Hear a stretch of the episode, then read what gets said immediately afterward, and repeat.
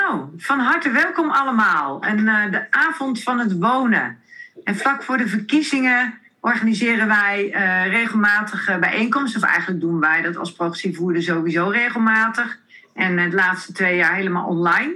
En het bevalt ons wel goed om het online te doen, omdat het ook wel toegankelijker is. Je kan uh, even makkelijk erin, je hoeft er niet voor te reizen. Uh, en ingewikkeld te zoeken naar zaaltjes. Dus misschien blijven we dat ook gewoon wel doen. Hoewel we het ook vast wel een keertje leuk vinden om weer eens een fysieke bijeenkomst te doen. maar in de aanloop naar de verkiezingen hebben we gekeken van wat zijn de onderwerpen die echt aandacht verdienen. En ja, wonen staat bij ons toch ook wel erg bovenaan de lijst. En in Woerden is, is wonen echt een groot knelpunt. Eh, en daar willen wij, we hebben dat ook echt vooraan in ons programma staan, dat we daar, daar wat mee willen. Dus vandaar dat we deze avond organiseren. En we gaan ook een beetje meer de diepte in. En we hebben gasten. We hebben allereerst, laat ik eerst zeggen, ik organiseer hem samen met Loes. Loes uitmaak, zwaai even, dat we allemaal zien wie je bent. Loes uit Woerden en een, ook een politieke achtergrond, wethouder geweest in de gemeente Woerden. En nog steeds heel betrokken bij, bij ons. En jij kwam met het idee van, van deze avond. En jij kende ook Meerte. En Meerte Biewan die zwaait. En Meerte is de organisator van het woonprotest in Utrecht. En zit helemaal in het, de woon- en huisvestingsproblematiek. Dus we vinden het heel leuk dat je hier bent en dat je wat, uh, wat meer gaat vertellen over ja, wat knelpunten zijn. En ook, we zijn ook heel benieuwd dat woonprotest en waar dat doel daarvan was en wat, uh, wat het effect daar ook van, van is geweest, wellicht. En hoe we verder moeten. Dus dat uh, gaan we zo meteen als eerste doen. En dan hebben we twee raadsleden. Eentje uit Woerden, Marguerite Boersma. En uh, die gaat ons zo meteen vertellen van hoe staat het er in Woerden voor. En uh, wat, uh, wat willen wij als progressief Woerden daarin. En Esther Grondijs, zwaaiwagen Esther uit de Ronde Venen, ook raadslid. als jullie zo meteen het woord krijgen, misschien leuk om even iets meer over jezelf ook te vertellen. En wij willen deze avond beginnen met een poll. En die ga ik delen en die gaan jullie zo meteen in je scherm zien. En er zitten vijf vragen in. Die moet je eventjes doorscrollen en die kan je allemaal invullen. Ik ga hem nu delen. Het goed is zie je hem in beeld. En dan kan je kiezen.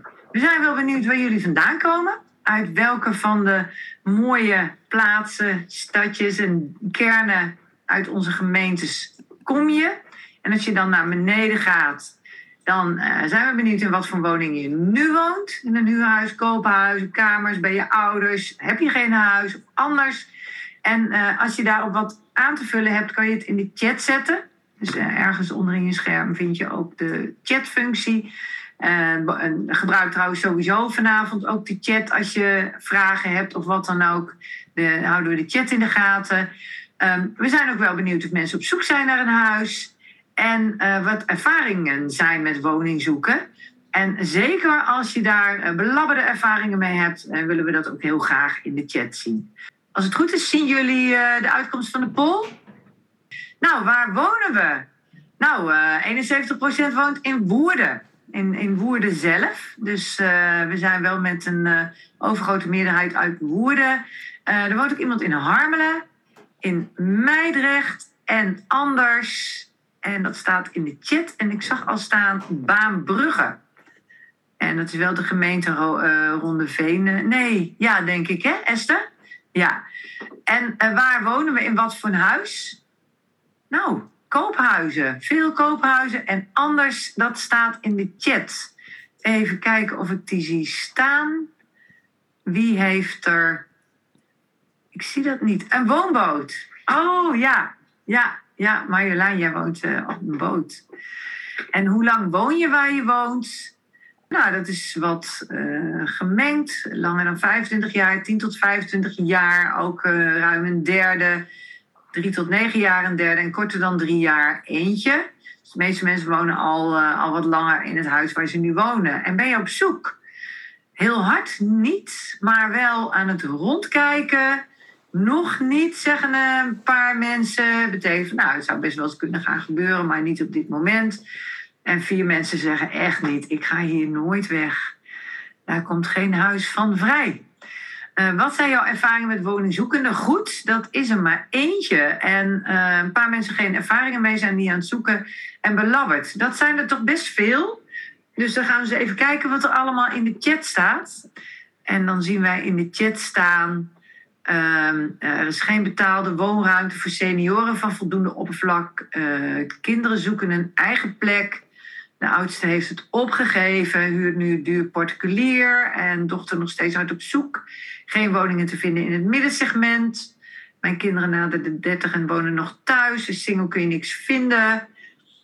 Even kijken. Meerte zegt, ik woon in Utrecht. Wel veel geluk met koopwoningen. Heb ik ook voor allerlei huisjes melk geschuurd. En hoge zwanger uit een huurhuis gezet en zo.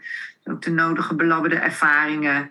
Er wordt nog iemand zoekt woning voor een zoon. Ja, er zitten hier met mensen met uh, kinderen die echt uh, op zoek zijn. Van de kinderen, starters komen er niet tussen.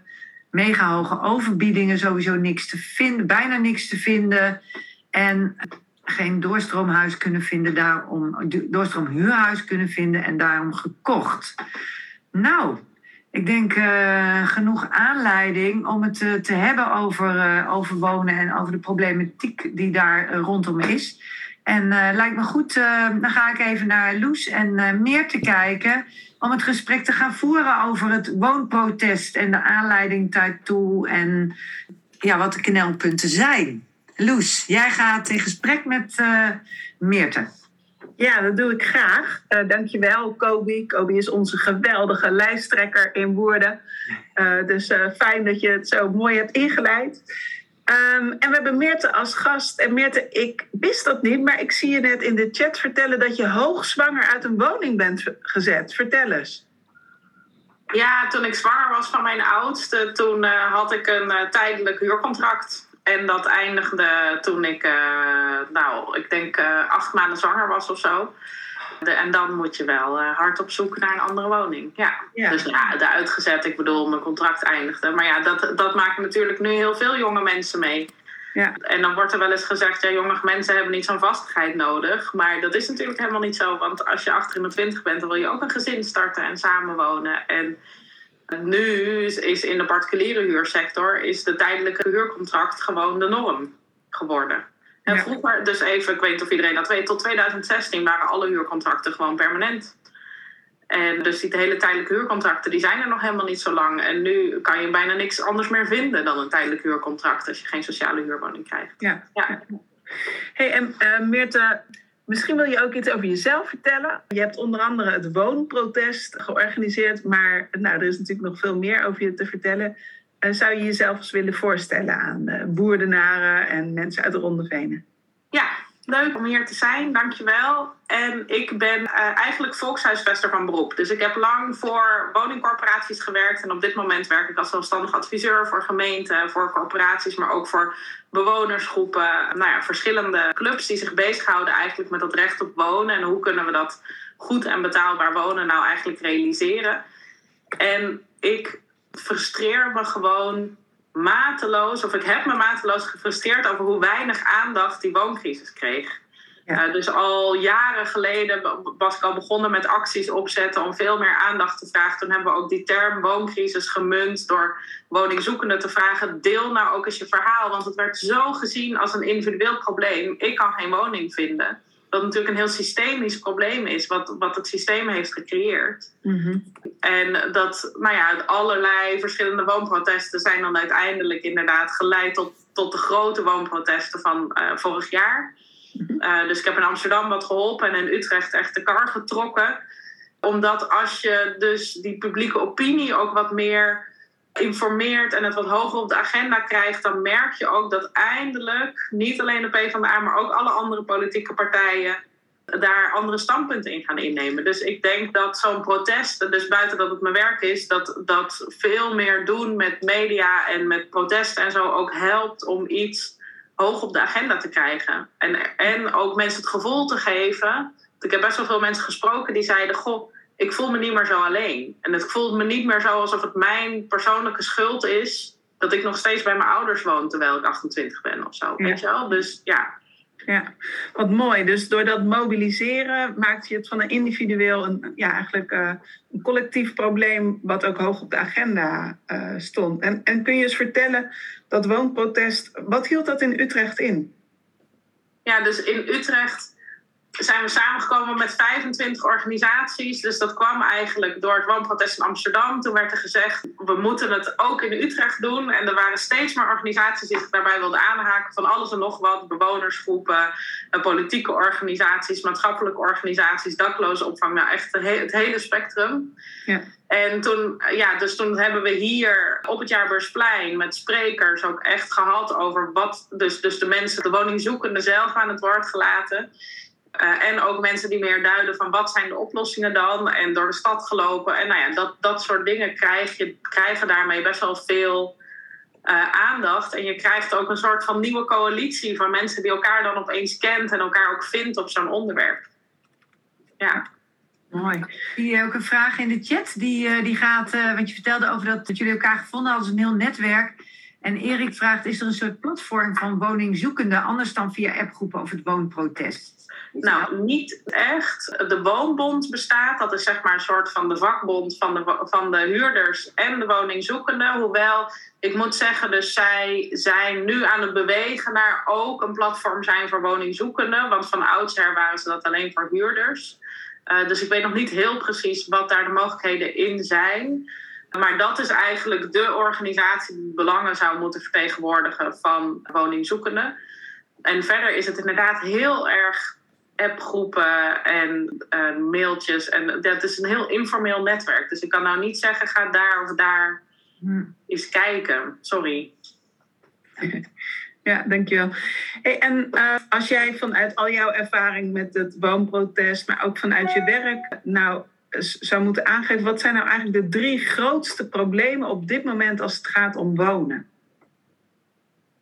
Nou ja, het grootste probleem is dat er ruim een half miljoen mensen in Nederland zijn die niet goed wonen. Uh, dus die ofwel überhaupt niet nergens wonen, ofwel op een bank ergens, of in een te kleine woning, of een niet geschikte woning. En op het moment dat je niet goed kan wonen, dan kan je ook gewoon geen leven opbouwen. Want dat is gewoon het fundament. Ik denk dat we dat allemaal kennen. Je hebt gewoon een plek nodig waar je woont. En dat gaat dus gewoon echt om hele grote aantallen. En dat is niet allemaal zichtbaar. Die mensen slapen niet allemaal op straat. Heel veel mensen vinden echt wel ergens een caravan of een zolderkamer of nou ja, het een of het ander. Maar die wonen niet op zo'n manier dat je ook iets goeds van je leven kan maken, om het zo maar te zeggen. Dus dat is gewoon, dat, dat is even het grootste probleem. En dan wil je misschien ook nadenken over de oorzaken. Ja, dat is dan toch wel geweest dat we dus een soort van hele periode sinds de jaren tachtig, maar vooral de afgelopen tien jaar hebben gedacht: de markt kan veel beter het wonen oplossen dan dat we dat met elkaar als samenleving en vanuit de overheid kunnen. Ja. Terwijl we in de geschiedenis al heel vaak hebben gezien dat als er iets is wat je niet door de markt kan laten oplossen, dan is het wonen, omdat grond ontzettend schaars is, omdat er heel veel geld aan te verdienen is door een kleine groep mensen die vermogen heeft. En, en daar een grote massa dan onder leidt. Dat, dat is op allerlei verschillende momenten in de geschiedenis en allerlei landen is dat aangetoond. Dat je moet ingrijpen in de markt om te zorgen dat iedereen goed kan wonen. En dat, ja, dat hebben we gewoon de afgelopen jaren niet gedaan. En, en daar zijn dan allerlei uitwassen van. Hier in Utrecht wordt meer dan 40% van de koopwoningen opgekocht door beleggers. Groot probleem. De, er is zoveel grondspeculatie dat nog voordat er een schop in de grond is gegaan in een, bij een bouwproject hier, is er 160 miljoen verdiend aan die grond voortdurend doorverkopen. En nou ja, dat geld moet natuurlijk allemaal terugverdiend worden als er uiteindelijk woningen op staan. Dus er zijn zoveel dingen die je ziet, maar het, het, komt allemaal vanuit dat idee, nou de markt gaat het wel oplossen, terwijl nou ja, als je het economisch bekijkt met een goed als woningen, kan dat gewoon echt niet. Dat is echt anders dan broodbakken, bijvoorbeeld. ja. En wat kunnen we doen om uh, meer betaalbare woningen uh, te krijgen, ook in Woerden en in de Ronde Venen? Nou, het goede nieuws is, je kan dus heel veel doen. er zijn heel veel wettelijke mogelijkheden. Die zijn soms een beetje verstopt en die zijn soms ook een beetje oud en die worden niet altijd even, evenveel gebruikt. Maar je hebt heel veel wettelijke mogelijkheden om dingen te doen. Dus je kan als gemeente zeggen, sowieso heeft de gemeente echt het primaat over wat wordt er gebouwd. Daar moet je dan wel allerlei verordeningen voor aannemen en, en goede bestemmingsplannen maken en overeenkomsten sluiten en zo. Maar als je dat goed inregelt, kan je gewoon bepalen wat er wordt gebouwd. Dus in prijsklasse, maar ook in de grootte van de woningen. En ook in hoe lang moet dat dan betaalbaar blijven. Daar, daar kan de gemeente allemaal over gaan. Net zoiets als als je ergens wil gaan bouwen, dan kan je als gemeente zeggen als die eigenaar van de grond nu de grond wil gaan verkopen, omdat die zo in waarde stijgt, omdat er gebouwd gaat worden, dan moet het eerst aangeboden worden aan de gemeente. Dus heb je eerst recht van koop als gemeente. Nou, daarmee voorkom je alle grondspeculatie eigenlijk. Wat je ook kan doen, hè, in Woerden kan je ook al geen betaalbare woning meer huren als het niet in de sociale huur is. Uh, dus hè, dat is echt geen probleem alleen van de grote steden. Wat je ook kan doen, is een ver huurvergunning instellen. Dus je kan het vergunningsplichtig maken als je een woning wil verhuren. We moeten in Nederland voor alles een vergunning hebben, zo ongeveer. Maar als je een woning wil verhuren, dan hoeft het niet. Behalve als de gemeente zegt, dat moet wel. En dan kan je eisen stellen aan die vergunning. Dan kan je zeggen, je mag alleen maar een woning verhuren als je netjes aan het puntenstelsel houdt. Dat bepaalt dan de huurprijs. Als je je woning onderhoudt, als je huurders niet intimideert. Dus het zijn allemaal vrij basale dingen. Hè? Maar er zijn heel erg veel verhuurders die gaan al die regels niet houden. Maar je hebt als gemeente, door zo'n vergunning in te voeren, kan je ook gaan handhaven op gedragen die zich een beetje als een goed verhuurder. Dus er zijn best wel veel mogelijkheden, gelukkig, die je hebt. Er zijn weinig gemeenten die het gebruiken, dat moet ik dan ook erbij zeggen. Uh, maar je hebt best wel veel mogelijkheden om wel in te grijpen. En ik vind dat Laura in de chat een leuke vraag stelt. Wonen is een mensenrecht. Dat klopt uh, wonen is mensenrecht. Nederland is er ook aan gebonden. Ze hebben allerlei ook internationale verdragen getekend dat ze moeten toewerken naar dat iedereen goed kan wonen. Het is alleen heel moeilijk om Nederland daar in de rechtszaal op aan te klagen, zeg maar. Want wij hebben geen systeem dat je kan zeggen, nou in de grondwet staat, dus ik ga naar een uh, Supreme Court of zo. Dat, dat systeem hebben we niet in Nederland. Maar ja, het is een mensenrecht. En zo zouden we het ook moeten benaderen vanuit de politiek van het, het, is ook niet voor niks een mensenrecht. Hè. Het is niet voor niks dat we met alle landen in de wereld en ook specifiek in Nederland in de grondwet hebben gezegd. Uh, huisvesting is een mensenrecht, omdat het zo fundamenteel is. Uh, dus dat zegt ook wel wat over het belang van dit onderwerp eigenlijk. En dus de afdwingbaarheid daarvan is heel beperkt. Dus Nederland wordt wel uh, op de vingers getikt af en toe door internationale gerechtshoven en zo, maar daar zitten geen consequenties aan. Behalve dat alle mensenrechtenjuristen dan weer kunnen opschrijven. Nederland doet het niet goed en zijn op de vingers getikt. Maar ik bedoel, het is niet zo dat er een eh, politie komt om de minister op te pakken of zo. Of dat ze een boete moeten betalen. Nee. Laura, is dat voldoende antwoord op je vraag? Ja, ik zie je knikken. Mooi. Oké, dus eh, wat je zegt, Meerte, is uh, gemeente heeft dus heel veel wettelijke mogelijkheden door, door de bestemmingsplannen uh, en, en verordeningen. Daarnaast kun je een verhuurdersvergunning invoeren hè, voor de verhuur en daar kun je ook op handhaven. Zijn er nog andere dingen die je kunt doen om, om ervoor te zorgen dat er voldoende betaalbare woningen zijn in de gemeente? Uh, je kan goede afspraken maken met uh, corporaties. Je maakt prestatieafspraken, heet dat met woningcorporaties. En daarin kan je afspraken maken over voor welke doelgroepen wil je woning en hoe duur mogen die zijn. Maar je moet corporaties ook helpen om dan wel plek te krijgen om ook die woningen te bouwen, bijvoorbeeld. Dus je kan heel veel eisen van corporaties, maar je moet als gemeente dan ook wel iets doen om te zorgen dat die woningen er kunnen komen. Hè? Want de gemeente gaat in die end over de grond en de bestemmingsplannen. En dus dat is een hele belangrijke partner om, om goed mee te gaan samenwerken. Ook om streng op te zijn hoor in je prestatieafspraken. Maar ook wel je belangrijkste partner die niet voor de winst, die not for profit, zeg maar, huisvesting kan gaan realiseren. Ja. En um, wat, je, wat ook een heel belangrijk onderwerp nu is, daar hebben heel veel plekken last van, is dat er veel te weinig betaalbare oudere woningen zijn. En we zijn in Nederland ontzettend snel aan het vergrijzen. En er zijn best wel wat ouderen die het fijn vinden om in hun eigen woning te blijven wonen. En dat vind ik ook ieders goed recht. Dus ik vind niet dat je mensen moet gaan dwingen om te verhuizen. Maar er is ook een groep ouderen die wel graag wil verhuizen. Maar ja, dan moet er wel een betaalbare optie zijn. Want je kan als ouderen niet meer zomaar een nieuwe hypotheek afsluiten, bijvoorbeeld. Uh, en, en heel veel ouderen zijn er ook nog die, die niet zo'n hoog maandelijks inkomen hebben. Dat ik zie hier in de regio ook allemaal oudere woningen die dan 2000 euro per maand huur kosten of zo. Nou ja, dat, dat, ja, dus je hebt daar echt betaalbare alternatieven in nodig. Dus je moet ook gaan kijken naar hoe verandert onze samenleving en hoe spelen we daarop in eigenlijk. Ja. Ik denk dat dat ook wel aansluit. Uh, ik heb het nog niet helemaal gelezen. Ja, uh, bij Pauline, dat veel mensen willen graag verhuizen. Ja, ja maar ik vind... Dus... over woorden, Beerte. Ik denk dat dit ook een mooie vraag straks is voor uh, Marguerite. Omdat hij over woorden gaat. Dus daar uh, al een opmaatje voor straks. Of kun je... Daar komen we zo nog even op. Ik zag in de chat eerder ook al iemand die het, die het juist ook had. Dat was Lilian. Geen betaalbare woonruimte voor senioren met een bepaald uh, oppervlak. Lilian, wil je dat eens toe, uh, toelichten? Dat kan ik wel uh, toelichten. Wij zijn natuurlijk ook op een gegeven moment gaan kijken naar een levensbestendige woonruimte. De huidige woonruimte heeft drie etages en wij voorzien dat daar op termijn problemen komen. Daarbij hebben wij vier slaapkamers en heb ik al straks maar eentje nodig. Dus ja. wij zijn om ons heen gaan kijken voor een appartement.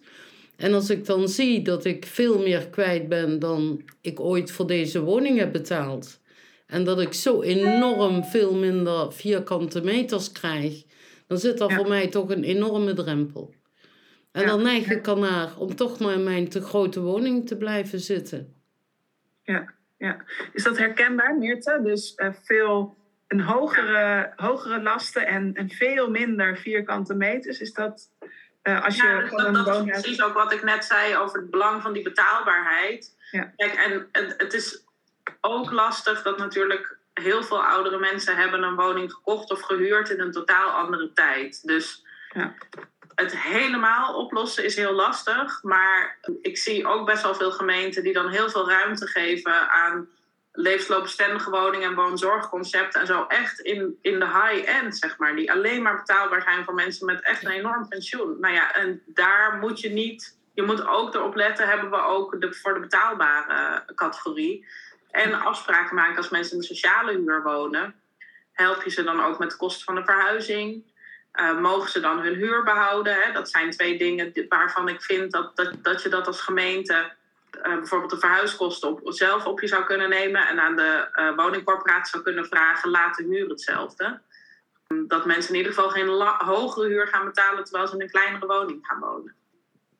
Een ander heel belangrijk punt wat ik nog even wil noemen, wat ik net nog niet noemde, want we hebben morgen een actie in, in Utrecht. Ik sta ook op de gemeenteraadslijst in Utrecht over de leegstand. En ik weet helemaal, ik ken de leegstand in woorden niet, maar de CBS houdt het allemaal bij, dus je kan het opzoeken in Utrecht staan zoveel woningen leeg en nog een stukje kantoren. Een half miljoen vierkante meter. Daar, daarin zouden 17.000 mensen makkelijk kunnen wonen. En dat is dus allemaal, dat gaat allemaal woningen die dan langer dan een jaar leeg staan. Hè? Dus dat, dat is niet zomaar even dat het even twee maanden leeg staat omdat mensen aan het verhuizen zijn of zo. En zijn dat alleen woningen of zijn het ook bedrijven? Het is voornamelijk woningen. Dus 350.000 vierkante meter aan woningen en 150.000 vierkante meter aan kantoren. Uh, en winkels hebben we niet meegeteld, omdat we graag de winkels levendig willen houden. Dus die willen we niet allemaal om, omkatten. Maar dan zie je dat er zo'n grote leegstand is. En als gemeente heb je dus de mogelijkheid om, dat noemen ze een leegstandsverordening aan te nemen. En daarmee kan je eigenlijk zeggen, als jij vastgoed hebt en het staat leeg, dan ben je verplicht om daar iets mee te doen. Dus dan moet je of zelf met een plan komen van ik ga binnen een jaar, gaat hier iemand wonen of ga ik het verbouwen of herbestemmen of wat dan ook. Ja. En als je dat niet doet, dan kan de gemeente een huurder aanwijzen. Die kan zeggen, deze persoon die mag nu in deze woning wonen. En dat is eigenlijk gekomen, hè, dus je mag tegenwoordig niet meer kraken. En sinds dat niet meer mag, de, explodeerde de leegstand. En toen is de mogelijkheid gekomen om een leegstandsverordening in te voeren. Maar er zijn vrij weinig gemeenten die daar gebruik van maken. Terwijl ik denk dat leegstaand vastgoed, nou ja, dat is het makkelijkst om daar iets mee te gaan doen, zeg maar. Ja. Interessant. Heel interessant, ja. Dus de bestemmingsplannen, de verhuurvergunning en de leegstandsverordening uh, zijn eigenlijk drie hele concrete gemeentelijke middelen die je kunt inzetten om uh, ja, ook, ook meer betaalbare woningen te, te stimuleren. Of in ieder geval, ja. Ja, ik zie een vraag van Hans die hier wel op aansluit. Um, toch wel hoge verwachtingen van wat de gemeente kan doen. Meer, meer te gaan voor mooi overzicht. Maar uiteindelijk beslissen de projectontwikkelaars toch nog steeds of ze iets zien in een bouwproject en voor wie ze bouwen. En blijf je erg afhankelijk? Hoe werkt dat? Ja, dus het is zo hè, dat, dat als een projectontwikkelaar grond heeft en je hebt het niet als gemeente, dan ben je natuurlijk afhankelijk van, van die ontwikkelaar of van de eigenaar van de grond in, in samenwerking met de ontwikkelaar, of zij dat daadwerkelijk gaan doen. Maar als gemeente kan je dus zeggen, wij vinden dat je dit en dat zou moeten bouwen. En dan is de keuze aan de projectontwikkelaar om te zeggen, dan laat ik het braak liggen of dan ga ik dat doen. Binnen, binnen die kaders. Hè. Dus daar proberen ze dan altijd heel erg over te onderhandelen. Dat is ook het spel. Ik ken ook veel mensen die aan de kant van de projectontwikkelaars werken. Die gaan dan onderhandelen. Nou, er wordt heel veel winst gemaakt in die sector op dit moment. Uh, dus daar kan echt wel wat meer af, zeg maar. Dus, dus daar gaan natuurlijk altijd dreigen. Dan gaan we het laten braak liggen. Want we willen toch liever duurdere woningen. Hè? Want de, de, de doelstelling is over het algemeen winst van zo'n bedrijf. Ja, dus het is vanuit hun ook goed te begrijpen en tegelijkertijd vanuit de overheid heel goed te begrijpen om daar paal en perk aan te stellen. En uiteindelijk zie je toch heel weinig, behalve in krimpgebieden, dat ontwikkelaars in die end ervoor kiezen om het dan maar niet te bebouwen. Omdat er zoveel rendement te halen is nu. Dus ik denk dat je daar best wel een beetje stevig in mag gaan zitten. Dus het klopt dat dat de harde onderhandelingen zijn hoor. En dat, dat zij natuurlijk ook gewoon hun wensen hebben. Maar onderschat niet dat ze dat gewoon doen vanuit een winstbelang, weet je wel. Dus, en dat is ook begrijpelijk, maar heb dus ook niet het idee van we zitten hier allebei vanuit hetzelfde belang. En Esther die vraagt nog hoe regelt een gemeente de eerste recht van koop? En ik had het net op mijn op puntje van mijn tong liggen. En nu valt het er. Wet Vorkersrecht Gemeente. Zo heet het. Google het even. Wet Vorkersrecht Gemeente. En dan kan je vinden hoe het technisch werkt. Okay. Mooie tips al. Ja. Ah, Erik. Dat is mijn handje. Ja. Ga je gang. Ja, dat is een vraag die, die, Het gaat allemaal natuurlijk over het functioneren van die woningmarkt. En waar ik, wat mij vooral triggerde was het verhaal wat je net vertelde ook over seniorenwoningen. Dat is ook volgens mij de opmerking die ik teruglees in de chat van Maarten. Ehm, ik zou willen weten, als je zou kunnen bouwen voor senioren uh, betaalbare woningen, dan zou behoorlijk veel kunnen doorstromen. Juist ook voor de doelgroep die op zoek is naar een grotere woning, uh, eensgezinswoningen. En daar waar het voor senioren te groot is, omdat ze veel minder of alleen zijn of geen kinderen meer, ook met kleinere woningen toe zouden kunnen komen, zou dat wellicht een, een, een grote bijdrage kunnen leveren in het beter functioneren van die woonmarkt. Wat ik nou zou willen weten is van, ja, ehm, hebben we het dan over 5% of gaat het over een substantieel aantal? Uh, is daar inzicht in? Is daar inzicht in, uh, wellicht ja. in Utrecht of per gemeente?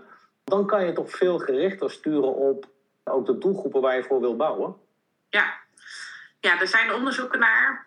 Ik ga jullie nu even chockeren. Maar 5% van de ouderen heeft een, een sterke verhuiswens. Uh, dus dat is heel weinig. Maar dat is ook wel uh, um, vraag en aanbod gedreven, zeg maar. Dat is ook wel omdat ze zien dat er geen betere opties zijn. Maar het idee dat iedere oudere zijn fijne woning, waar hij al zijn hele leven gewoond heeft en nog allemaal emotionele verbinding mee heeft, want de kinderen zijn er opgegroeid en de kleinkinderen komen er logeren, et cetera, et cetera, dat iedere ouder, oudere dat wil opgeven, dat, dat gaat nooit gebeuren. Maar er zal zeker een deel van de ouderen zijn die wel wil verhuizen. En dat, en dat helpt natuurlijk wel. En, maar wat je dan dus niet nodig hebt, is, of niet te veel, is dat hele hoge segment. En wat je ook ziet, is dat er wordt gedacht, ouderen die kunnen wel kleiner gaan wonen. Zeker als ze nog maar alleen zijn. Dus dan is een woning van 40 vierkante meter ook wel groot genoeg. Dat is voor een oudere eigenlijk bijna nooit zo. Want dan vraag je iemand om zijn hele leven weg te gooien. Uh, dus klein voor jongeren is iets anders dan klein voor ouderen. Um, en ja, daar kan je van alles over vinden. Maar aan de andere kant is het ook wel begrijpelijk, denk ik. En iets anders, wat, maar dit is landelijk wat we moeten regelen. Dus in Nederland hebben we heel veel dingen die ontmoedigen om samen te wonen. Dus de kostendelersnorm, maar ook de AOW. Dus als je samen woont en je hebt AOW, dan krijg je 725 euro in de maand minder dan als je uh, alleen woont. Uh, nou ja, daar kan je wel een extra huis voor aanhouden. Zeker als je ouderen bent, want dan heb je meestal niet meer zo'n hoge woonlasten. Dus ehm, dat zou landelijk een keer moeten veranderen. Dat die regelingen over. Uh, is het nou gunstig om alleen te wonen of is het ook oké om een andere volwassene in je huis te hebben laten wonen? Of dat nou gaat om je volwassen kinderen of om uh, nou ja, een, een, ander familielid of persoon die een woning zoekt. dat zou heel veel schelen, denk ik in, in nou ja, mensen die dan uh, um, meer samen zouden kunnen wonen dan nu. Want we hebben inderdaad best wel veel woningoppervlak. We hebben ook overigens ontzettend veel Nederlanders die in Nederland meer dan één huis bezitten en in dat tweede huis maar enkele weken in het jaar doorbrengen. Daar zou je ook nog wat van kunnen zien. Oké. Nou, wat, wat kun je tegen dat laatste doen, Meerte? Als gemeente niks. Nee. Nee, maar ik bedoel, dus dat is wel een beetje. Er zijn natuurlijk vrij veel mensen met geld die ergens anders een woonhuis als vakantiehuis kopen. Dus niet een vakantiepark, hè, maar echt een woonhuis. En dat is voor de vakantiegebieden, Zeeland, Friesland, Limburg en zo. Uh, is dat schadelijk voor de woningnood daar, maar ook voor de leefbaarheid van de dorpen en zo. Ja. Uh, maar daar zou dan landelijk gezien iets aan moeten gebeuren. Daar kan je verder niks aan doen als gemeente. Nee. En je zei net ook, uh, klein voor jongeren is iets anders dan klein voor ouderen. Hè? Um, wat kun je nog doen om echt die starters op de woningmarkt uh, te ondersteunen of te helpen? Uh, echt huisjesmelkers aan banden leggen. Iets doen, want, want jongeren zijn gewoon aangewezen, toch in de eerste jaren van hun wooncarrière, op de particuliere huur. Uh, want je hebt nog niet, genoeg wachttijd om voor sociale huurwoningen in aanmerking te komen. En je hebt uh, te weinig uh, zekerheid waarschijnlijk en inkomen om een woning te kopen. Dus echt zorgen dat je die particuliere huurmarkt aanpakt. Dat is heel belangrijk. En er zijn, want ik zie de premie aanwoningen. Um, er zijn gemeenten die ook weer zeggen de startshypotheek. En dan wordt ook landelijk wel weer over gesproken. Maar eigenlijk wat je dan altijd ziet, is dat de startswoningen precies evenveel duurder worden als dat uh, die extra leenruimte aan financiering biedt. Dus in die end hebben starters daar niet zoveel aan. Het enige wat kan helpen, maar dat is een beetje ingewikkelde constructie, in Ede en Zaanstad hebben de wethouders, dat zijn ook PvdA-wethouders voor zover ik weet, gezegd we gaan betaalbare koopwoningen realiseren vanuit de gemeente. En er zit een soort regeling aan dat als je die woning koopt, dan koop je die dus voor 2,5 ton of zo dan woon je daar. Maar als je die woning verkoopt, dan kan je dus niet de winst in je zak steken. En dat is omdat dat is een speciaal soort regeling met een soort fonds waar de gemeente dan ook aandeelhouder van is. En zo, nou, heel ingewikkeld. Het kan wel als je dus betaalbare koopwoningen zou willen realiseren. Uh, en dan zou je even dat moeten uitzoeken hoe dat dan precies moet. Maar uh, ja. En erfpacht, is dat nog een oplossing? Ja, met erfpacht hou je natuurlijk veel meer macht, om het zo maar te zeggen, in handen als overheid over wat gebeurt er met de grond die je hebt. En, en de grond zou natuurlijk, wat mij betreft ideologisch gezien, is dat een gemeenschapsproduct. Dus ook de waarde van de grond wordt alleen maar bepaald door wat wij als gemeenschap doen aan voorzieningen en infrastructuur en dat soort dingen. Dus ja, dat helpt. Dat helpt ook dat je veel meer, nog veel meer vinger in de pap hebt richting projectontwikkelaars en over wat er gebouwd wordt en wat er gebeurt en hoe het bewoond wordt en zo. Het is wel moeilijk om nu te zeggen, we hebben geen erfpacht en we gaan dus even voor de hele gemeente erfpacht invoeren. Dus dat, dat is eh, niet een heel simpel iets om te doen. En Esther vraagt nog over de zelfbewoningsplicht. Ik weet niet hoe de percentages in uh, Woerden zijn. In Utrecht wordt, uh, ik geloof, 42% van de koopwoningen opgekocht door beleggers. Uh, laat het even inzinken. 42% van alle koopwoningen. Dat is echt enorm veel. En beleggers die kunnen ook, die drijven ook de prijzen heel erg op, omdat ze heel hoog rendement kunnen halen als ze het vervolgens duur verhuren. Dus ja, de zelfwoningsplicht heeft, is zeker een goed middel. Uh, ik weet niet dus hoe actief beleggers zijn in Woerden, maar ik zie dat ze zelfs wel actief zijn in Kerkrade, dus ik denk ook wel in Woerden. Ja, ja Marguerite gaat er zo meteen wel wat over zeggen, denk ik. Als ik, ja. uh, ze reageert al in de chat. Dus uh, hoe de situatie in Woerden is. En ik zag wat uh, verder terug in de chat ook iets over de situatie in Woerden. Woerden is wel anders dan Utrecht, denk ik. Even kijken, heb je, had je nog vragen aan uh, Meerte, Loes? Nou, misschien nog één vraag. Als het gaat om het bouwen van woningen. Dat duurt gemiddeld tien jaar.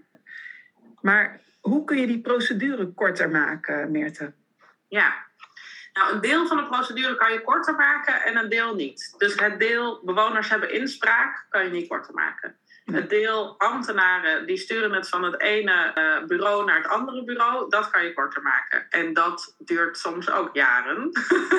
dus wat uh, heel leuk in Noord-Holland, een aantal gemeenten, vrij kleine gemeenten, ik weet even niet meer precies welke, uh, daar hebben gedaan, is dat ze een soort vergunning in één dag hebben gedaan. Dat is niet echt één dag, want je krijgt natuurlijk niet die hele vergunning, want je hebt ook nog de hele inspraakprocedure en zo, maar dat ze wel alle ambtenaren in één keer bij elkaar zetten en zeggen: en nu gaan jullie even met elkaar op, deze, op dit bouwproject zitten en eruit komen, wat vinden we hiervan? Want normaal vindt de welstand dit en de natuur en milieu, bla bla bla, vindt dat. En de mensen van wonen vinden zus. En de mensen van het grondbedrijf vinden zo. En dat loopt dan zo jaren, maar gaat het een beetje rond. En dan wint die weer een beetje, en die weer een beetje. En zij zegt, nou dat moeten we echt als gemeente niet meer willen. We moeten gewoon die mensen bij elkaar in een kamer zetten en zeggen: kom hieruit met elkaar. En geef gewoon een gedragen advies, wat over alle afdelingen iemand uh, aan heeft kunnen meewerken. In plaats van dat je het de hele tijd heen en weer stuurt. Dan is telkens een zes weken reactietermijn. Nou ja, je weet hoe dat gaat. Uh, dus dat kan je doen. Uh, aan de ene kant, het gaat nooit worden dat je een woning in een jaar hebt staan of zo. Want je houdt altijd dat je ook met bewoners moet praten. En dat ook het gebouwd moet worden natuurlijk. Het bouwen zelf duurt ook meestal wel een half jaar tot een jaar. Ja. Maar dat, dat, dat de gemeente, dat, dat van bureau naar bureau, ik weet niet of jullie dat herkennen, maar dat is ook echt ontzettend frustrerend. En ook dat die diensten elkaar dan allemaal tegenspreken en zo. Dus dat kan je wel oplossen. Ja. Welke gemeente was dat, zei je, waar ze dit uh, deden? Ja, ergens in, in Noord-Holland. Als je opzoekt vergunning in een dag, dan kan je het wel vinden, denk ik. Ja. Nou, mooi. Nou, dit maakt mij heel nieuwsgierig. Jou misschien ook, Kobi, uh, naar uh, wat, wat uh, kunnen we hier ook in woorden mee? Ik vond het super interessant, Mette, om jou helemaal leeg te trekken met al je verschillende tips ik hoop dat je er ook bij blijft, zodat je ook nog mee kunt praten en ook kan reageren op uh, Margriet. Maar ik denk, Kobi, dat het leuk is om nu uh, ja. onze raadsleden even ja. te vragen. Hè? Ja, ik, denk, want ik ben benieuwd. Ik heb Margriet al in de chat zien reageren. Marguerite, leuk als je even iets vertelt over jezelf, waar je woont en, en je ja. raadscarrière. en um, je bent onze woordvoerder over wonen. Dus uh, ja, hoe staat het er hier eigenlijk voor? En misschien ook een paar thema's die al genoemd zijn. Uh, hoe het hier gaat ja. met beleggers en problemen. Ja. Nou, woorden is gewoon een drama. Uh, je kan discussie voeren over hoe lang wachtlijsten zijn, wachttijden, zoektijden. Gooi me allerlei termen erin. En het huidige college, waar we helaas geen deel van uitmaken, um, is weinig bereid om verder te denken dan alleen beton en bakstenen. En ik hoop echt dat we goede verkiezingswinst halen, dat we in het college komen en dat we eens een keer eerder spaden de grond ingaan en ook eens een keertje buiten de gebaande paden wordt gedacht. Want er is gewoon veel meer mogelijk. En ook reagerend op meer te net van, ik ken een voorbeeld in Lelystad, ik ga het straks nog noemen, waarbij binnen een jaar een heleboel appartementen uit de grond zijn gestampt met semi-modulaire bouw wat gewoon er heel mooi uitziet. Dus als je wil, kan je gewoon heel veel doen. Um, ik zit nu vier jaar in de Raad uh, van Woerden. Ik uh, hoop zeker nog vier jaar door te gaan. Ik woon in Harmelen. Ik ben een van die types die absoluut niet wil verhuizen. Ik woon hier gewoon heel erg goed en ook al heel erg lang. Uh, en ik voel me gelukkig nog niet aangesproken als doelgroep van ouderen. Um, dat ik maar wat kleiner moet. Want ik heb ook nog één kind thuis die gewoon heel nodig de deur uit wil. Is voor mij misschien ook af en toe het beter. Maar die gewoon nog thuis uh, woont, noodgedwongen. En straks wil ik iets uh, dieper ingaan op de situatie in woorden. Ik weet niet of de anderen zich ook nog willen voorstellen. Nou, ik zou zeggen, Margriet, doe jij. gaan we daarna naar Esther. Dus um, hoe is de situatie in Woerden? Ja, nou net wat ik al zei, een drama. En um, dat heeft er ook toe geleid dat we in uh, mei vorig jaar een themacafé over Woerden hebben gehouden. Omdat we juist vinden van, uh, denk verder dan alleen de traditionele bouwmethode. ik kreeg een filmpje onder ogen van een project in Lelystad. Er is Wonen bij de Lars. Wat tijdelijke huur is. En je moet tijdelijk dan niet zien uit het van je hebt een contract voor twee jaar en daarna moet je wegwezen. Maar je woont tijdelijk wat soberder. Wel in een goed huis. eh, Maar niet met mega veel ruimte. Waardoor mensen ook de ruimte krijgen om verder te zoeken naar een grotere of een meer geschikte woning het beeld dat ik heb is zeker niet dat het maar iets armoedigs is en triest om in te wonen. Bijvoorbeeld, de wasmachine heb je niet in je eigen huis, maar er is een centrale ruimte waar de wasmachines staan. Je hebt ook niet al meer eigen schuurtje. Er is gewoon een centrale ruimte waar je je fiets kan stallen en dat soort zaken. En door in de woningen te beknibbelen op dat soort dingen die we eigenlijk allemaal in ons bezit hebben, heb je gewoon met minder ruimte meer huisvesting voor mensen. Daar zitten uh, statushouders, daar zitten mensen die gescheiden zijn en nu een, een, een dak boven hun hoofd hebben. Uh, er zitten ook studenten in en je moet ook op een soort van sollicitatiegesprek komen om te kijken of je wel matcht met ja, de andere bewoners van het complex. Een tip voor, uh, voor Meerte van um, ga een keer googlen op wonen bij de Lars. Ik vond het een hele inspirerende uh, bouwvorm en ook uh, de projectleider echt heel inspirerend.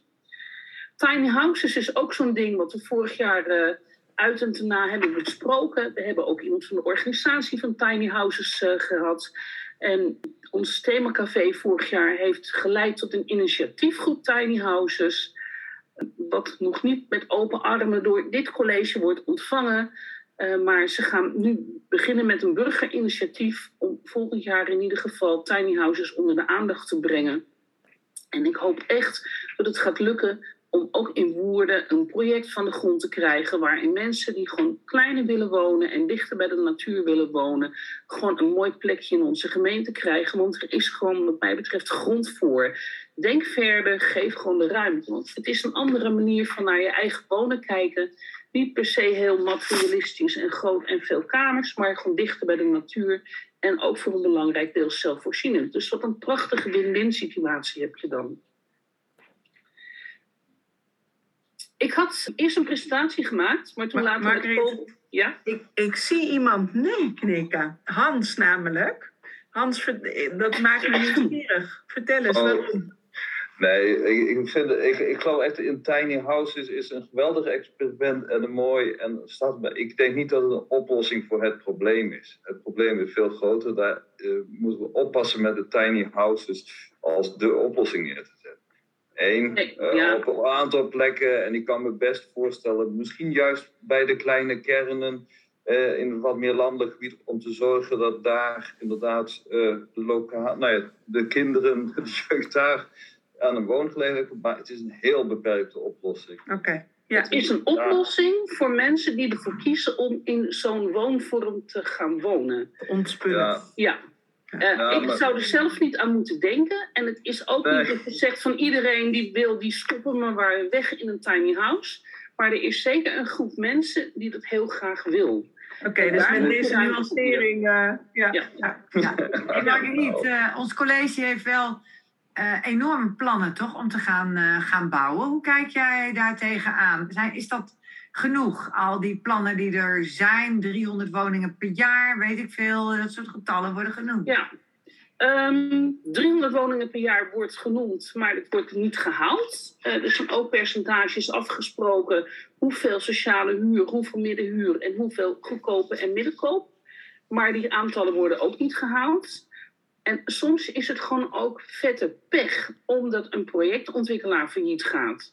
En die is dan eigenaar van de grond. En voordat een curator dat allemaal heeft opgelost, zit je weer een aantal jaren verder. Dat ligt niet aan de gemeente, dat is gewoon echt vet pech. Wat ik net ook in de chat schreef, er is een enorm gebrek aan ambtelijke capaciteit om bouwprojecten te begeleiden. Ja. We hebben hier in Harmelen een bouwproject waarvan het bestemmingsplan al eh, bijna anderhalf jaar geleden is aangenomen. Maar er is gewoon geen ambtenaar om eh, als projectleider op te treden. En dan denk ik van, eh, waarom kan dat niet anders? Voorzien een list. Eh, die spaden die moeten grond zien. Dus er staat wel heel veel op stapel. maar de afgesproken percentages, zoals wat het college zegt, 20% sociale huur. Dat wordt gewoon niet gehaald in onze gemeente. Ja, ik las in de chat dat iemand zei van uh, er zijn in Woerden wel veel mensen met een dak boven hun hoofd. Er zijn aan verhuizen, vooral jongeren en jonge gezinnen. En dat verhuurders het in Woerden niet zo bond maken. Uh, wat is jouw indruk? Want uh, Meerte had het veel over die verhuurders, hè? Die, opkopen en veel te hoge huren vragen. Hoe, hoe, hoe, hoe is dat hier?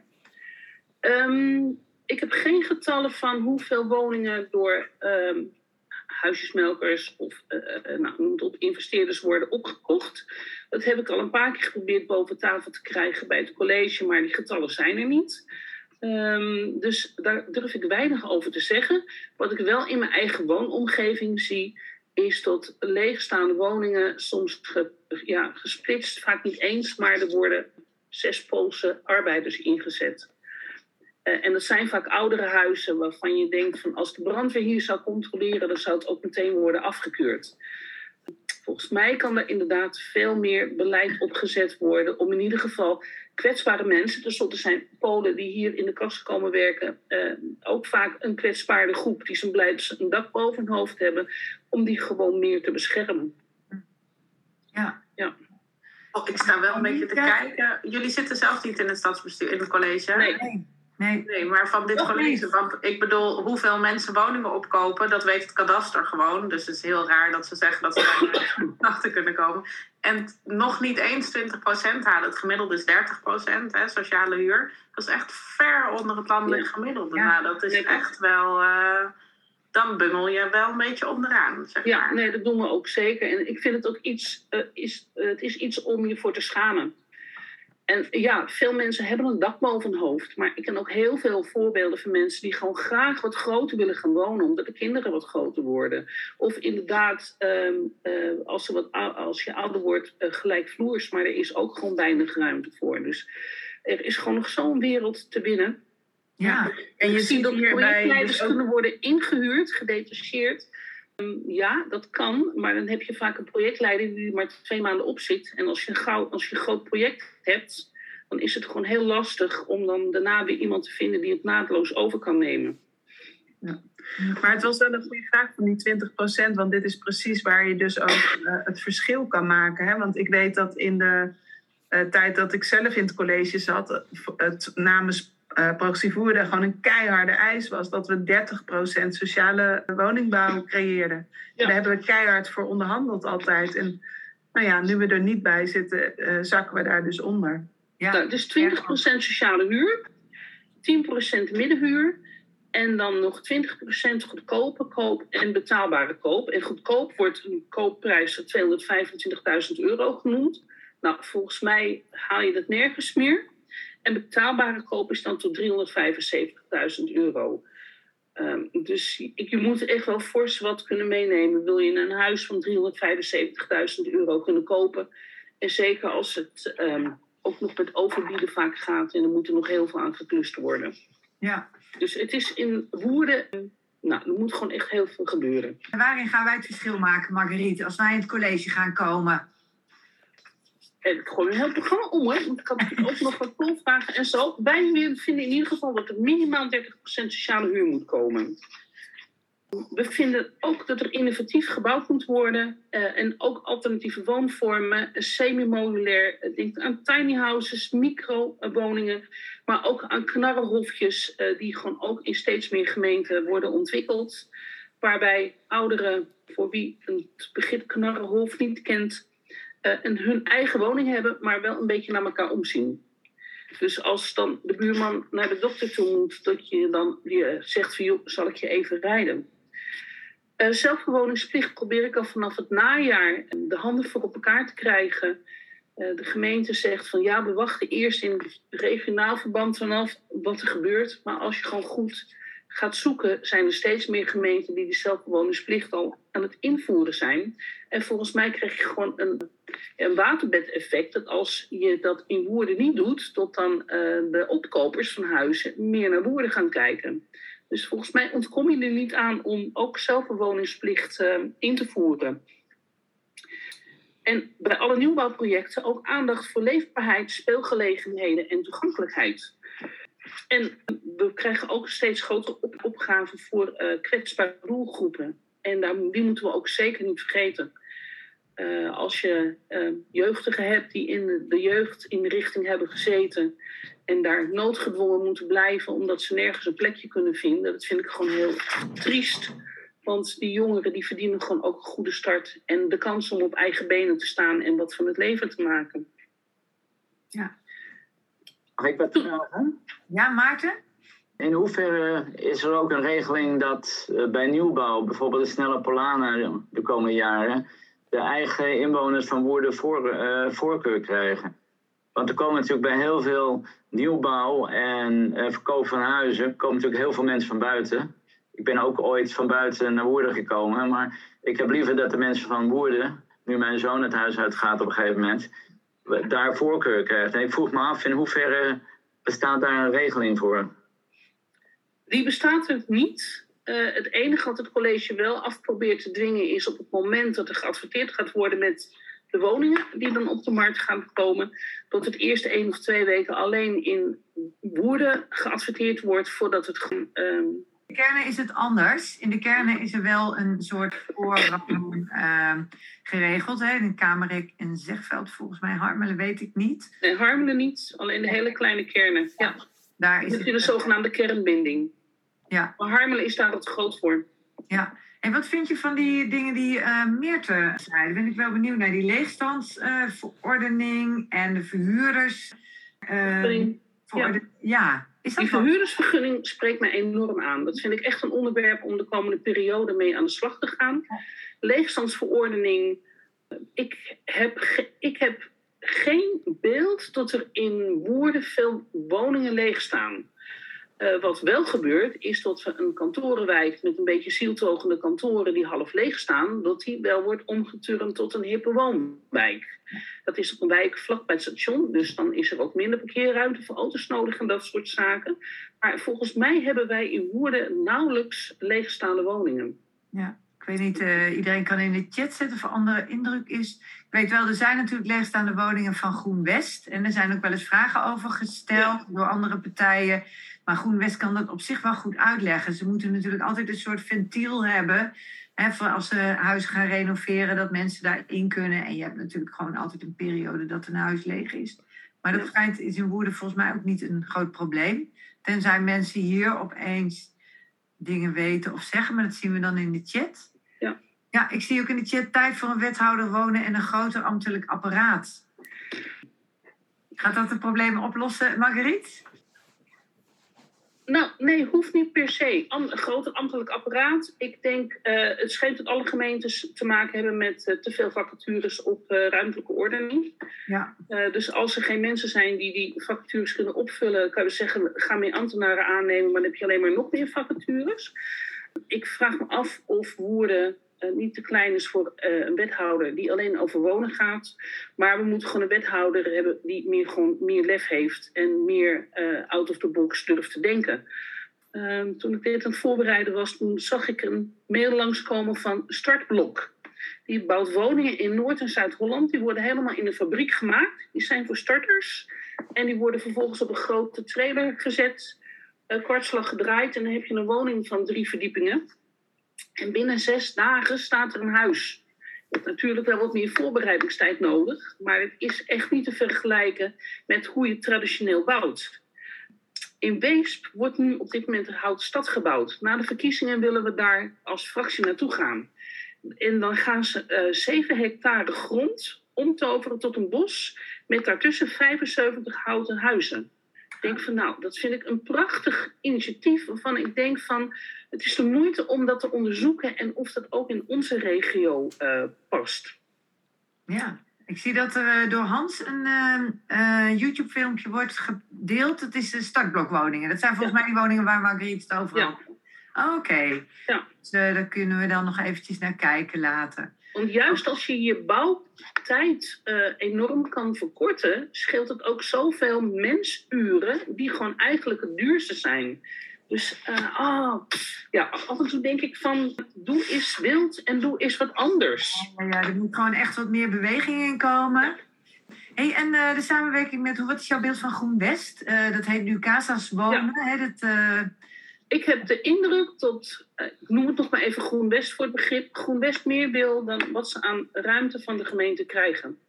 Ja. Ik heb ook wel eens een gesprek gehad met de directeur en die zei van er kan gewoon veel meer worden gebouwd. We willen veel meer bouwen, maar we moeten ook de ruimte krijgen om dat te bouwen.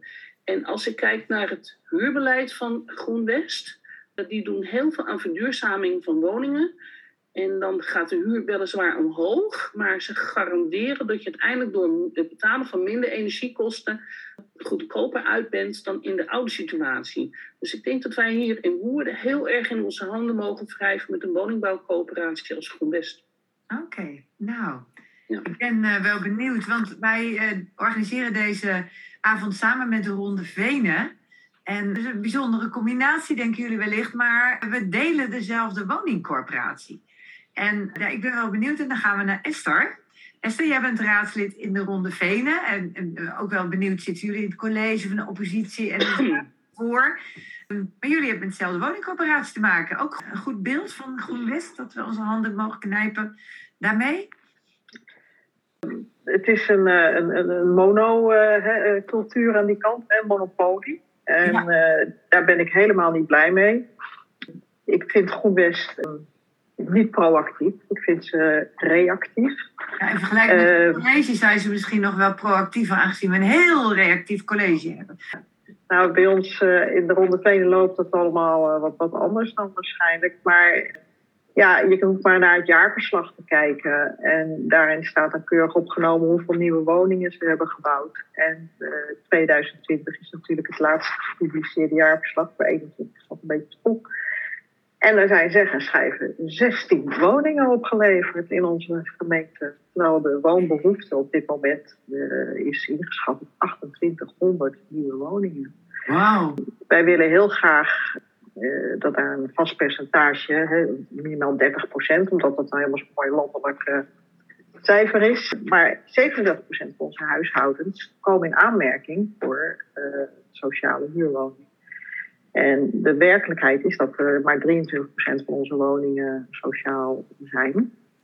En dus alles wat we nieuw gaan bouwen, gewoon even rekenkundig uh, op een rij zetten, dan moeten we nu 50% ervan sociaal bouwen om op de 25% te kunnen komen. Dan hebben we niet eens over 30%. Ja, ja. Wat, wat is jullie uh, streefgetal? Want bij ons is het op dit moment 20%. Nou, dat 30% is het streefgetal dus van de nieuwbouw, dat 30% sociaal gebouwd wordt. Maar eigenlijk zeggen we, nee, van alle nieuwbouw moet je 50% sociaal doen. En dan heb je een inhaalslag. Ja. En ja, rekenkundig kom je dan uit op pas 25%. Kom je niet eens op die 30%. Maar het is wel inmiddels vastgelegd dat de nieuwbouw uh, 30% sociale woningen moet doen. En dat vindt een, een aantal uh, niet prettig. Dus eh, daar eh, eh, kunnen ze onderuit komen. En daar hebben we dan een vereveningsfonds voor opgezet. Het staat morgen op de agenda van de Raad toevallig. En nou ja, goed, en dan krijg je zo'n heel boekhoudkundig verhaal. En dan wacht het over de huppel, de pup. Nou ja, het is, het is allemaal, ik weet nu al dat, dat, dat dat heel lastig te vullen wordt, dat fonds. En uiteindelijk gaat het geld alleen naar de woningbouwverenigingen, want die gaan die sociale huurwoningen okay. op een gegeven moment eh, laten bouwen. Maar ik vind uh, deze woningbouwvereniging echt die uitdaging totaal niet oppakken. Ik zou heel graag willen dat ze weer teruggaan naar uh, ja, de core business. Nou, we hebben natuurlijk het probleem gehad dat ze zich die, die verhuurdersheffing, of hoe heet het ook alweer? die, die net is afgeschaft. Hè? Dat, uh, ja, die verhuurdersheffing, nou, uh, datzelfde jaarverslag zie je dan dat goed best 13,3 miljoen uh, moest betalen. Nou, dat doet natuurlijk pijn, dat kan ik me ook wel voorstellen. We hebben het gesprek wel eens aangegaan met de, de vorige directeur en haar adjunct-directeur. Van nou, wat, wat heb je nou nodig om die sociale woningbouw te doen? Zij kwamen toen met de opmerking van ja, jullie grondprijzen zijn te duur jullie oude leesjes zijn te duur. En ik, ik, ik, wist eigenlijk niet wat ik hoorde. Dat, dat, uh, dat, dat, het kwam op mij niet echt over van, uh, nou ja, we gaan ervoor en we gaan eens even de gemeente uitleggen dat ze in ons geval er maar andere lezers moeten gaan. Het is allemaal zo nou, reactief, uh, noem ik dat dan. En ja, met als resultaat dat er gewoon geen, geen rol gebouwd wordt. En ik snap echt niet uh, waarom er niet wat meer concurrentie is. Want ik durf te wedden dat er Amsterdamse woningbouwverenigingen zijn die met name aan deze kant uh, van Pompvenen, waar eh, waar Brugge, wat gewoon ja, heel veel Amsterdammers huisvesten, dat die hier dolgraag gezinswoningen zouden willen neerzetten. En, en Esther, wat is jullie belangrijkste punt voor de komende verkiezingen?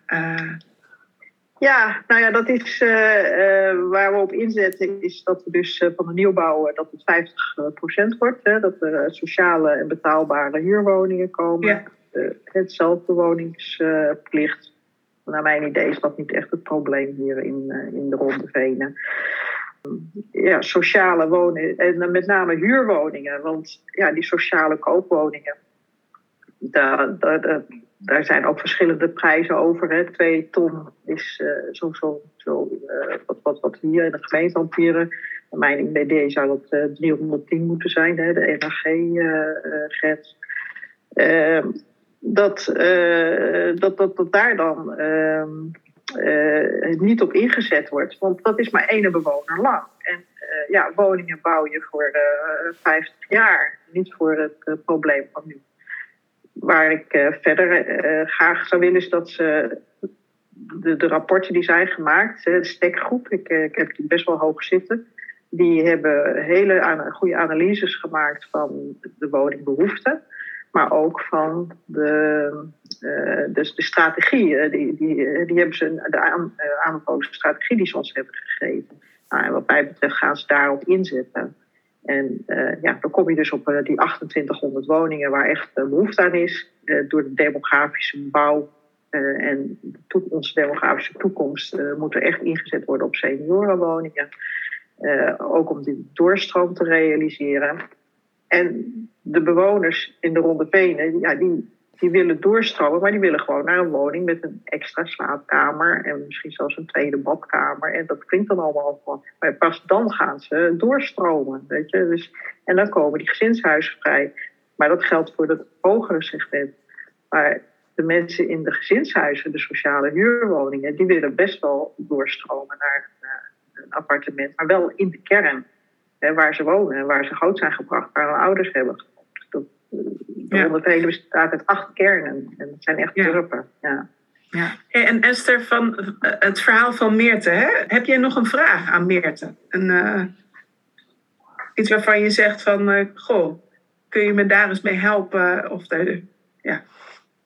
ja, ik, ik vind gewoon, ik, ik, naar mijn idee ligt de sleutel bij de woningbouwverenigingen. Uh, maar ook bij de investeerders want we kunnen wel roepen met wat, wat wij vinden wat, uh, wat eerlijk is en, hoe het moet zijn. Maar uiteindelijk moet het wel gekocht en gebouwd en risico worden gelopen. Ik hoorde het net ook al van een aannemer die failliet is gegaan. Maar je wilt niet weten hoeveel geld je daarop kan verliezen als uh, projectontwikkelaar. Dus uh, kijk, projectontwikkelaar op zich is wat het is. Hij ontwikkelt een project. Het is niet op zich een, een, een, een gaaier of een kapitalist. Nou, maar dus we moeten naar uh, mensen zoeken die projectontwikkelaar uh, ontwikkelen echt als een goed model zien. En in uh, vroegere tijden waren dat bijvoorbeeld pensioenfondsen. En zelfs de vakbonden maakten hier nog wel mee, dat die gewoon investeren. Want dat was een rendement voor hen, die, die huurpenningen, die voor hen heel zeker waren. Maar die hadden ook een bepaalde sociale instelling met wat voor woningen ze wilden bouwen en waar ze geld in stopten. En dat mis ik tegenwoordig helemaal. Die, dat die partijen niet benaderd worden om te zeggen van ja, help ons met, met het bouwen van, van nieuwe wijken. Want we moeten echt miljoenen huizen bouwen, dat geloof ik langzamerhand loopt in ieder geval in de honderdduizenden. En ja, dus we praten echt over enorme woonwijken die erbij moeten komen. Ja. Zou jij daar eens op willen reageren, Meerte? Uh, we hebben echt zo'n gigantisch tekort aan het aantal woningen dat gebouwd moeten worden. Is, zijn, moeten we dan alleen naar de woningbouwcorporaties kijken of ook naar de pensioenfondsen? En wat kunnen we nog meer doen? Ja, Nou ja, er zijn nog steeds wel grote institutionele beleggers, zoals pensioenfondsen, die ergens echt wel voor de langere termijn inzitten en ook uh, genoeg nemen met net wat minder rendement, maar dat ze wel weten dat ze ergens langdurig kunnen zitten. Überhaupt niet zeggen dat investeerders en projectontwikkelaars en verhuurders per definitie slecht zijn. Er zijn ook heel veel goede. Maar je moet er wel voor zorgen dat uh, nou ja, dat je daar als overheid een beetje bovenop blijft zitten. Ik wil eigenlijk wel even reflecteren op die, ook nog even over die ouderen in de kernen, in de Ronde Venen. Het, het is overal, bijna overal, uh, voor ouderen belangrijk om in de eigen omgeving te kunnen blijven wonen. Omdat dat de plek is waar je ook nog wel iemand kent die een keer boodschappen voor je kan halen. En waar je ook nog wel een beetje aanspraak hebt en die het vereenzaamt en zo. Dus er werd ook al eerder even gesproken over voorrang van eigen bewoners. Dat moet je nooit 100% maken, hè? want er zijn duizend en één goede redenen waarom je naar een andere gemeente zou willen verhuizen. En waarom je daar ontzettend goede, eh, dat ook heel belangrijk is voor de samenleving, dat je die mogelijkheid hebt om dat, om dat te doen en voor jezelf. Maar je kan wel tot een bepaald percentage zeggen, we geven we toch voorrang aan, aan bewoners die er al zitten. En als het bijvoorbeeld om ouderen gaat, kan je zelfs zeggen van nou ja, oudere woningen die hier vrijkomen, die gaan eerst echt met voorrang naar de, bijvoorbeeld als het dan over sociale huur gaat, naar de huurders uh, van die woningcorporatie die daar al wonen. Dus daar, en dat, dat kan, daar zijn regelingen voor dat je dat kan doen. Het is voor koopwoningen is het een stuk ingewikkelder dan, dan bij huur. Maar er zijn, uh, bij, zeker voor de sociale huur, zijn er best wel mogelijkheden om dat te doen. Onderschat de waarde niet van sociale cohesie en samenhang. En wat dat doet voor de leefbaarheid en voor de veiligheid en voor de eenzaamheid tegengaan en zo. Dus, dus wonen gaat niet alleen maar om vier muren en een dak. Het gaat ook echt om waar woon je en ken je daar mensen. Maar ook heb je daar voorzieningen in de buurt? Is het veilig? Hè? Dus, dus wonen is wel nog wel wat meer dan waar we het hier vandaag over hebben gehad qua bouwen. En dat hoorde ik af en toe aangestipt worden. En ik dacht, laat ik dat nog wel even expliciet maken. En ik denk ook dat we dat allemaal vinden hoor. Maar nou ja, laten we ons niet alleen maar blind staren op dat bouwen, bouwen, bouwen. Maar ook echt kijken naar geven we mensen nou een, een goede plek om te wonen en, en je te kunnen ontwikkelen en kansen te hebben. En ook nou ja, naar elkaar om te kunnen kijken. Ja, mooi. Ik vind het heel inspirerend wat je, wat je zegt, uh, Meerte. Ik zie dat Marguerite heeft ook nog wel wat vragen in de chat gezet uh, voor jullie om eens op te reageren over het uh, hoe kijken we naar de rode contouren en het groene hart. Uh, dat is een spannende vraag. En ik zie dat ondertussen ook Rob van Muilenkom is ingelogd. En Rob, jij bent gedeputeerde en je bent gevraagd om ook nog een licht op het wonen te werpen. Uh, misschien jou even het woord geven. Wie ben je en wat, uh, wat heb jij te maken met het wonen in onze regio? Ja. En Rob, zou je in ieder geval het woordje de challenge doorstroming willen meenemen? Want uh, misschien wil je daar ook nog iets over vertellen. Oké, okay. ja, ik, ik, ik, ik val een beetje midden in jullie gesprek. Ja. En ik, ik, zit er tussen twee overleggen, want ik ben ergens even tussenuit ge, gegaan. En maar leuk om te zien, dit overleg met allemaal bekende mensen. Uh, nee, ik ben Rob van Muilenkom. Ik ben gedeputeerde binnen, onder andere voor binnenstedelijke ontwikkeling en wonen. En uh, ik ben ook gedeputeerde voor gezonde leefomgeving. Uh, minstens zo belangrijk. En cultuur en erfgoed. En, ehm, en trekken van de sociale agenda van de provincie Utrecht. Ik ben overigens ook coördinator gedeputeerde van de enige woningbouwlocatie waar de provincie Utrecht zelf over gaat. En jullie weten natuurlijk allemaal waar dat is. Dat is op de voormalige vliegbasis Soesterberg. Dat is uh, in handen van de provincie. Dat is de enige plek. Er worden iets van 600, 700 woningen gebouwd. Maar het is wel een toplocatie natuurlijk. Uh, en op die locatie, dat vind, ik, dat, vind ik wel mooi, dat is een combinatie van ongelooflijk veel groenontwikkeling en tegelijkertijd ook woningen. En uh, hoe je dat in een goede samenhang doet. En nou, wat, uh, wat net ook al natuurlijk zei, van het, in de woningen, maar het gaat ook om, om, om, juist te kijken van wat voor type woningen. En dat is best wel een soort spanningsveld binnen de provincie, vind ik zelf. Omdat wij als provincie hebben daar best wel ideeën over, wat voor type woningen, dat het aan moet sluiten. Maar primair gaan de gemeenten daar natuurlijk over. En als je kijkt waar we als provincie op dit moment mee bezig zijn, zijn we eigenlijk gestart en hebben we gezegd van wij willen die woningbouw versnellen. Uh, we willen eigenlijk het liefst 10.000 woningen per jaar. We willen ook dat 50% ervan betaalbaar is van de nieuwbouw. En wij hadden eerst altijd een streekplan waar je elk vier jaar kon zeggen van nou, dat zijn de grote bollen. En dat zijn dan die bollen, ja, die rode contour viel net al even. Ja, als je, als je provincie hebt, rode contour. Die rode contour bestaat overigens niet meer. Tegenwoordig hebben we het gewoon over het buitengebied. Maar uh, er werd eens in de vier jaar gezegd van nou, dat is het gebied waar gebouwd mag worden. Nu is het zo dat we jaarlijks, één keer per jaar, één keer per anderhalf jaar, met de gemeente doornemen wat zijn jullie locaties die jullie op de agenda hebben staan. En wat willen jullie daar bouwen? En uh, altijd de discussie van wat hebben jullie voor ambities binnenstedelijk?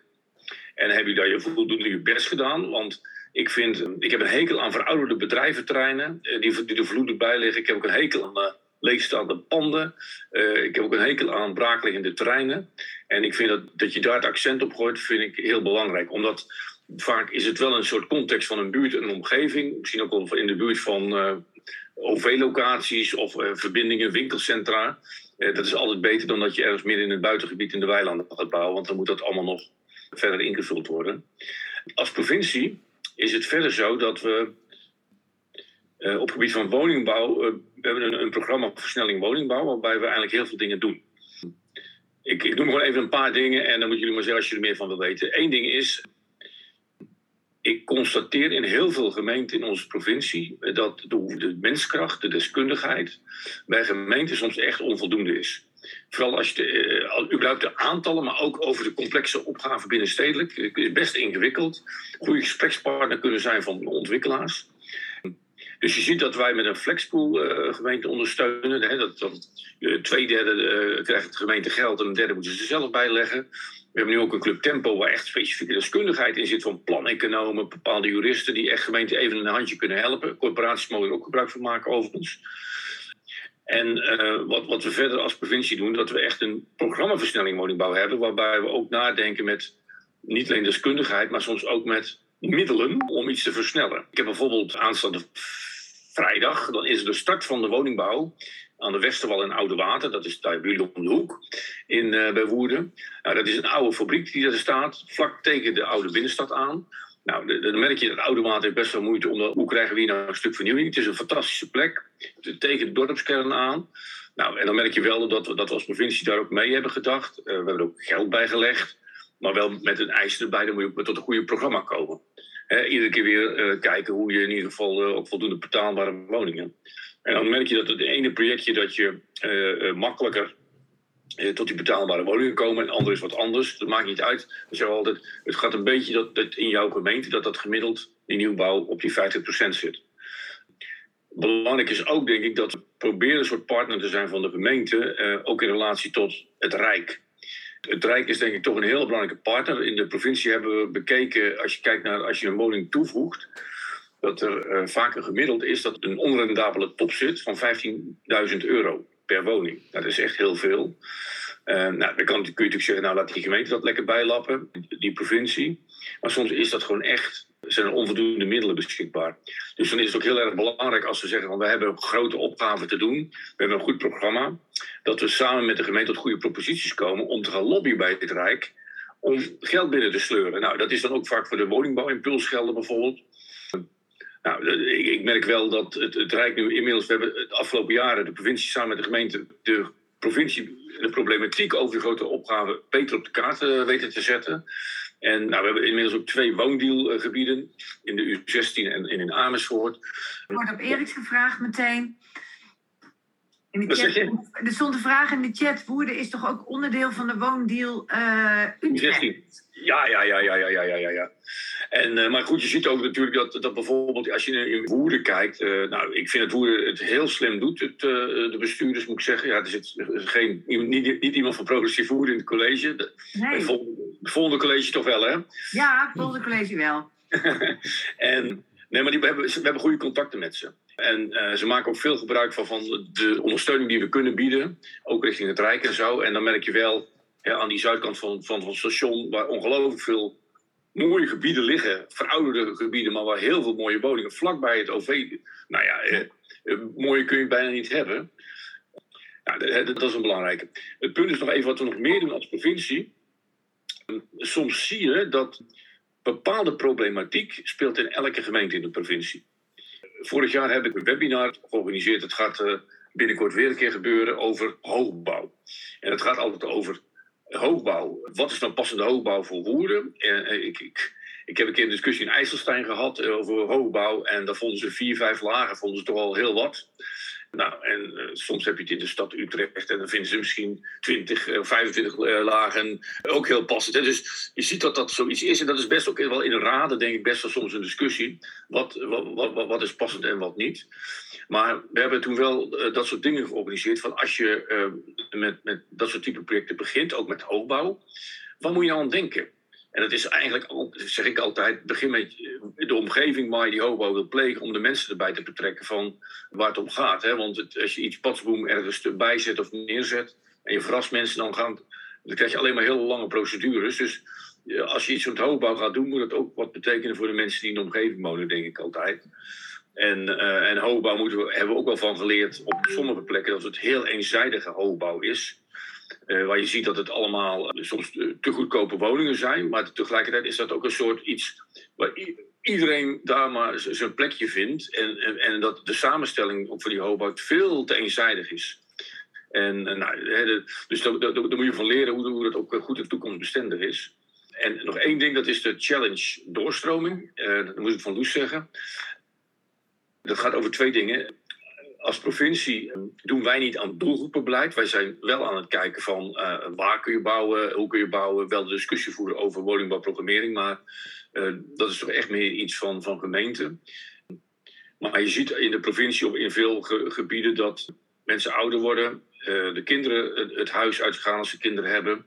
Of Zo, ja, ik heb er ook drie die het huis uit zijn. Dus mijn huis is eigenlijk ook eigenlijk te groot. Dus, eh, en dan merk je dat als je het hebt over de doorstroming, dat corporaties best al wel instrumenten aanreiken om hoe kunnen we de mensen helpen, het makkelijker maken, ons zorgen om uh, hoe ze op tijd naar een woning gaan. Dus we hebben pas een challenge gedaan en dat was gericht op de koopwoningen. Dus hoe, hoe krijg je de, de, de doorstroming ook in de koopwoningen? En uh, nou, ik, ik, er zijn best wel hele mooie ideeën uitgekomen. En dan kom je wel een beetje op het punt uit waar Mitte net ook over had. Dan zie je dus dat het. Nou, al, echt, er waren 25 partijen die daarop ingeschreven hadden. Dat best wel heel interessant. Maar op de site van de provincie Versnelling Woningbouw staat er nog veel meer informatie over. Maar wat je merkt is. Je moet het heel. Ja, dat heet dan data gedreven, maar je moet weten wat de woonmensen zijn van mensen. En dan zie je dus dat, dat, dat er bepaalde bureaus zijn die hebben op een gegeven moment in beeld gebracht bepaalde delen van steden. Wat zijn nou die woonwensen van mensen die nou, de 50 gepasseerd zijn, de 60 gepasseerd zijn. En wat voor type woonmensen hebben die nu? En uh, dan merk je dat mensen soms best wel erover na willen gaan denken, maar ook wel in dezelfde omgeving willen blijven wonen.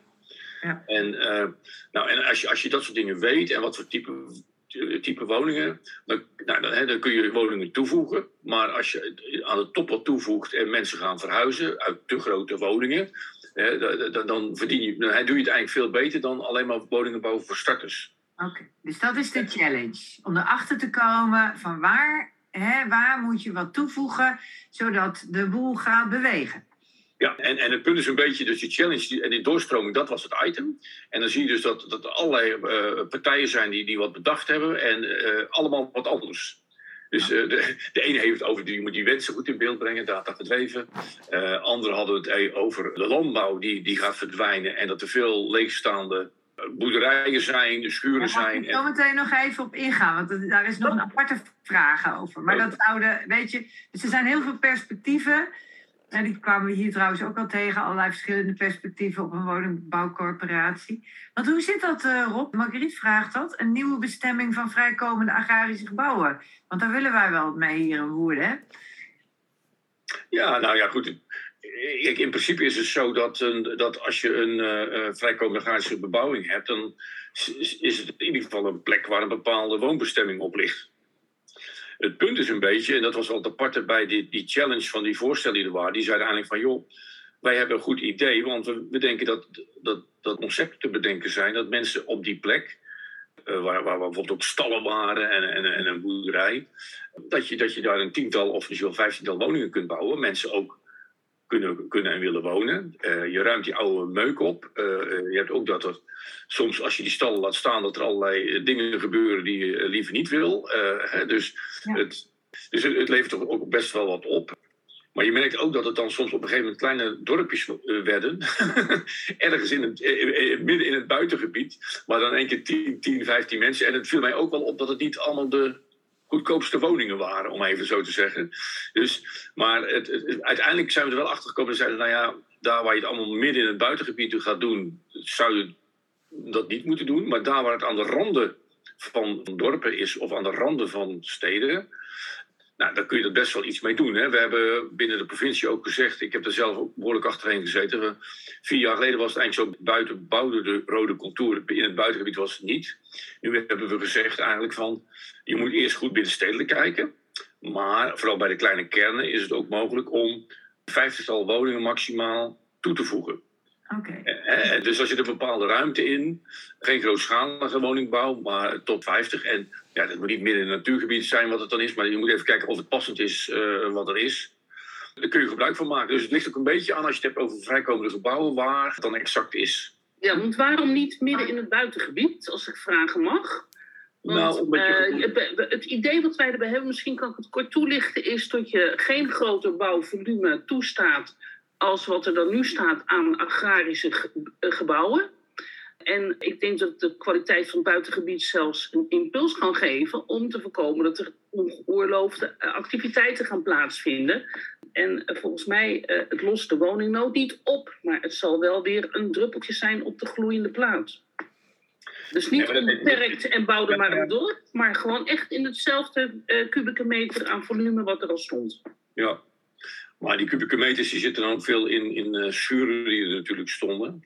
Ja. Uh, je moet dus ook iedere keer kijken. En dat, ik zeg maar even heel erg. Ik heb soms een behoorlijke discussie met degene die beeld met mobiliteit bezighoudt, bijvoorbeeld. Want uh, op het moment dat je dus één boerengezin hebt met heel veel stallen en koeien.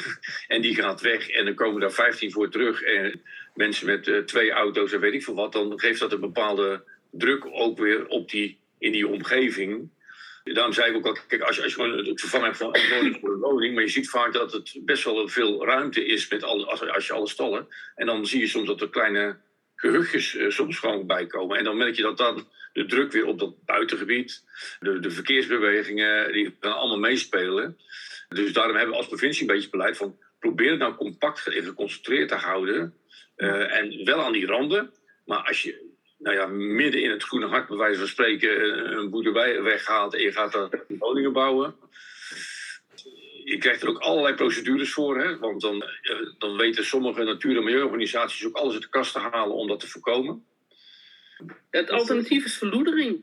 Nou ja, je ziet in andere regio's ook wel dat er dan een soort deal wordt gemaakt. Dat ze zeggen: oké, als dan die gebouwen die daar staan uh, gesloopt worden en worden ingebed in het landschap, dat gebied, dan krijgt de eigenaar een recht om te bouwen vlakbij een bestaande kern. Uh, ja. Zodat je, dat ze ook voor de duurzaamheid en de beschikbaarheid van voorzieningen voor toekomstige bewoners, et cetera. Nou ja, er is wel wat voor te zeggen om daar op die manier mee om te gaan. Mag ik nog een vraag stellen aan Rob? Want ja. ik ben tot een schokkende constatering gekomen hier door deze mensen vanavond dat Woerden nog niet eens 20% sociale huur haalt in de nieuwbouw. Uh, dat is heel laag vergeleken met het landelijk gemiddelde. Kan de provincie daar niks aan doen? Nou, daar gaat het regionaal programmeren dus over. Dat op het moment dat Woerden... Je hebt dus de sociale woningbouw. En dat is de kwestie van de definitie met betaalbaarheid. Daar zit dus ook de middenhuur in. Uh, en, en je hebt nog de koop tot de NAG-grens. En ik moet mijn kinderen altijd uitleggen. Die zeggen altijd, ik, ik, ik, die, wonen, die wonen en werken ook allemaal in het Westen. En dan zeggen ze, ook betaalbaar. En tot hoe ver loopt dat? En dan, de NAG-grens ligt op dit moment op 3,55. Ja, dan moet je dubbel model van verdienen. dus ik, ik, ik ben nu een discussie aan het voeren binnen de provincie. Wat vinden we eigenlijk betaalbaar? Weet je wel? En dus de, die afspraken maken we ook met Woerden. Dus als we woningen toevoegen en ruimte willen geven... en dat we ook in ons carnavalsprogramma Woerden willen ondersteunen... dan moet Woerden ervoor zorgen dat in de toevoeging van nieuwbouw minimaal 50% betaalbaar is. Oh, betaalbaar. Ja, ja. Maar wat betaalbaar is... Dat is wel in de bouwafspraken vastgelegd. Alleen je ziet in de praktijk die 20% sociale huur niet wordt gehaald. En, en, dat er dan wel wat meer wordt ingezet op wat middenhuur en nou, goedkope koop uh, of betaalbare koop tot 375.000 euro. Maar de mensen die echt het moeten hebben van een sociale huurwoning, die hebben het gewoon zwaar. Ja. ja, en misschien mag ik er nog iets aan toevoegen, want dat leg ik even persoonlijk ook nog in de chat. Want er wordt in Woerden heel veel nieuwbouw gepland, maar het gaat dan om appartementen van 100 vierkante meter. En starters die een klein appartement van uh, bijvoorbeeld tot 50 vierkante meter willen, in, kunnen die eigenlijk nog wel in Woerden terecht? En, en wat kunnen we doen? Blijven er nog wel mogelijkheden voor mensen om aan een sociale huurwoning te komen die ja, zeg maar binnen de huurtoeslaggrens valt? Ja. Nou, ik vind het een hele goede discussie hoor. Want, en, maar het is een beetje het, het raakvlak tussen waar je, hoe ver je als provincie uh, je kunt bemoeien. Of wat het domein van de raad is. of het domein van, van de provincie. Maar wat je nu wel ziet natuurlijk op het landelijk niveau. Heeft het uh, nieuwe kabinet gezegd van nou ja, uh, ze stellen veel te weinig middelen beschikbaar. Maar we willen 66% betaalbaar. En dan denk ik van, nou, ik, ik ken al heel veel gemeenten die hebben al moeite om die 50% te halen. En dan en gaat het ook om precies de discussie die jullie voeren van, ja, je kunt allemaal de, in, de betaalbaarheid hebben dat het allemaal in de dure midden zit en in de, de, de, de, dure koop of aan de onderkant. En um, nou, die, discussie wordt nu wel behoorlijk willen we voeren met Hugo de Jonge. Alleen Hugo de Jonge is een beetje, eh, die doet het, uh, de woningbouw op zijn corona-manier. Dus zeer enthousiast en, uh, en zegt hij, nou, en dan gaan we afspraken maken met de provincie en die maken we afspraken met de gemeente. En dan hebben we het allemaal geregeld. Maar ik denk dat we toch als Nederland soms wat extra geld nodig hebben. En dat gaat het ook vooral om die onrendabele toppen. Want op het moment dat je zegt van je gaat gewoon iets meer goedkopere woningen en soms is het bijna 40% zijn eenpersoonshuishoudens. Hè, dus je moet ook kijken wat type woning. Die, niet iedereen heeft een woning nodig van 100 vierkante meter. Nee. Ja, daar moet je er ook wat voor over hebben. En, uh, en dat geldt ook financieel. Ja, en, Margriet, kun jij daar ook nog op reageren? Want wat, wat kunnen we nog om ervoor te zorgen dat er niet alleen van die hele grote appartementen, maar ook die kleine van 50 vierkante meter voor, nou ja, Rob zegt terecht, eh, heel veel mensen wonen ook alleen. Ja. Hè? Nou, we hebben in december, dat heet een addendum op de woonvisie vastgesteld, waarin meer maatwerk op, eh, op vierkante meters wordt geboden, ook gerelateerd aan de prijs waarvoor het gebouwd of verkocht of verhuurd wordt. Okay. Dus ook de erkenning dat er gewoon veel meer nodig is voor één en twee persoonshuishoudens. Ja, oké. Okay. Maar, goed, dat moet ook nog allemaal in praktijk gebracht gaan worden. Dus. Als ik Rob zo hoor, dan eh, kunnen we wellicht ook nog wel wat steun van eh, landelijk en provincie verwachten in Woerden om, uh, om nog wat meer druk op de ketel te zetten voor uh, meer betaalbaar. En ja, die discussie van wat is nou betaalbaar. En dan, dan is het aan ons hè, als raad en hopelijk wij straks in de coalitie om dat betaalbaar ook echt betaalbaar uh, te maken als het gaat om, uh, om sociaal. Uh, ik zit even te kijken, we zitten inmiddels al over half tien en meestal is het prettig om zo een online sessie niet veel langer te laten duren. Er zijn wat dingen in de chat gedeeld, maar volgens mij niet echt vragen, maar meer het uitwisselen van, van tips, een kaartje van de woondeal. Ja, we hebben aardig wat geld binnengehaald met de impuls, de woningbouwimpuls, uh, weet ik nog. Ik, ik, ik, zit te kijken, ik denk dat het goed is om toe te gaan naar een afronding. Ik vond het echt heel inspirerend om jouw verhaal te horen, Meerte van eh, wonen is een grondrecht. En dat wonen ook zo belangrijk is om je leven op orde te krijgen. Weet je, dat ik moet natuurlijk gewoon als lijsttrekker nu uh, de blaren op mijn tong uh, lullen rond dit soort thema's. En ook rond wonen. En dit soort taal helpt mij ook om te formuleren van waarom het dan zo belangrijk is. En waar het dan om gaat. Hè? Dat mensen gewoon hun leven moeten kunnen starten. En dat wonen daarvoor zo belangrijk is. En we hebben ook wel wat interessante tools gehoord. Hè? De verhuurders vergunning, de leegstandsverordening. Nou, Marguerite, die gaan wij zeker uh, in ons achterhoofd houden. En wat me wel triggert, is het verschillende beeld wat we hebben van de woningbouwvereniging. Dat wij wel tevreden zijn en Ronde Venen denkt van nou, wat ons betreft mag er nog maar eentje bij. Nou, misschien is het wel goed om dat in ons achterhoofd te houden. Dat wat concurrentie uh, in de woningcorporaties niet zo slecht is. Maar het heeft misschien ook wel te maken dat als wij een, een percentage 20% uh, hebben en Ronde Venen heeft dan veel meer, dat bij ons de woningbouwvereniging het al snel heel goed doet. Want ja, om die 20% dan te leveren, dat is veel minder moeite dan, uh, dan dat hogere percentage in de Ronde Venen. Nou, des te meer ben ik ervan overtuigd dat wij in het college moeten gaan komen. Als het gaat om wonen, En daar ook echt een verschil in te gaan maken. En uh, daar gaan wij, uh, we hebben nog een paar dagen de tijd om nog flink wat stemmen te werven. Ik hoop dat jullie allemaal meehelpen, zodat wij ook een serieuze coalitiepartner gaan worden. En dat we ook echt kunnen gaan onderhandelen om daar gewoon wat, wat meer ja, wat meer betaalbaar en, en, en alle creatieve opties eh, voor elkaar te krijgen. Ja, en Rob, de discussie over de bestemming van de agrarische gronden en dat wij kleine gezellige gehuchtjes willen bouwen in het Groene Hart. ja, die is nog niet uitgevoerd, denk ik. En, maar goed, eh, we gaan gewoon wel door met het vinden van creatieve oplossingen. En, uh, ja, en bedankt ook iedereen voor alle nuttige opmerkingen, ook die, die er via de chat zijn uh, gedeeld. en ook de vragen. Hè, de, de kleine appartementen voor 50 vierkante meter, de ouderen, de doorstroming, nou, de wijken. Uh, heel nuttig dat dat ook allemaal uh, gedeeld is. Ik zie ja. dat Meerte echt ja, weg moet uit. Ja, bedankt, uh, bedankt Meerte. Heel veel succes. Heel veel succes met, uh, met de campagne. Ja. ja, het lijkt me goed om contact te houden met elkaar. Meerte is eruit. Even kijken. En Rob, ook bedankt dat je nog even wilde aanschuiven. Ja. Ik kom je even een tip. Mag ik één tip nog geven? Uh, we hebben een site uh, bij de provincie Versnelling Woningbouw. En er staan echt heel veel instrumenten op en suggesties op waar je gebruik van kunt maken. Versnelling woningbouw. En, en, en pas heb ik ook een plan van aanpak flexwonen gemaakt. Dit gaat over tijdelijke woningen die tegenwoordig goede woningen snel gebouwd kunnen worden. Bijvoorbeeld terreinen zoals in Woerden. Dat je zegt van joh, de echte ontwikkeling gaat pas over tien jaar plaatsvinden, maar waarbij je toch met flexwonen al iets kunt doen. Ja. Dan krijg je een treintje dat je je woning ook weer op een andere plek weer verneer kunt. Maar ja. het zijn allemaal dingetjes om die, die nood die er nu is ook uh, te slechten. Ja, mooi. Versnelling woningbouw. Ja, je, hè? ja ik vond mij zit Marguerite bal op te schrijven. Dus, uh, die nemen we zeker mee. Enorm bedankt. Iedereen bedankt. En leuk om jullie hier te zien. Uh, we zagen bekende gezichten, we zagen ook een paar nieuwe gezichten. We gaan de, de bijeenkomst officieel afsluiten, uh, maar blijf gerust even hangen.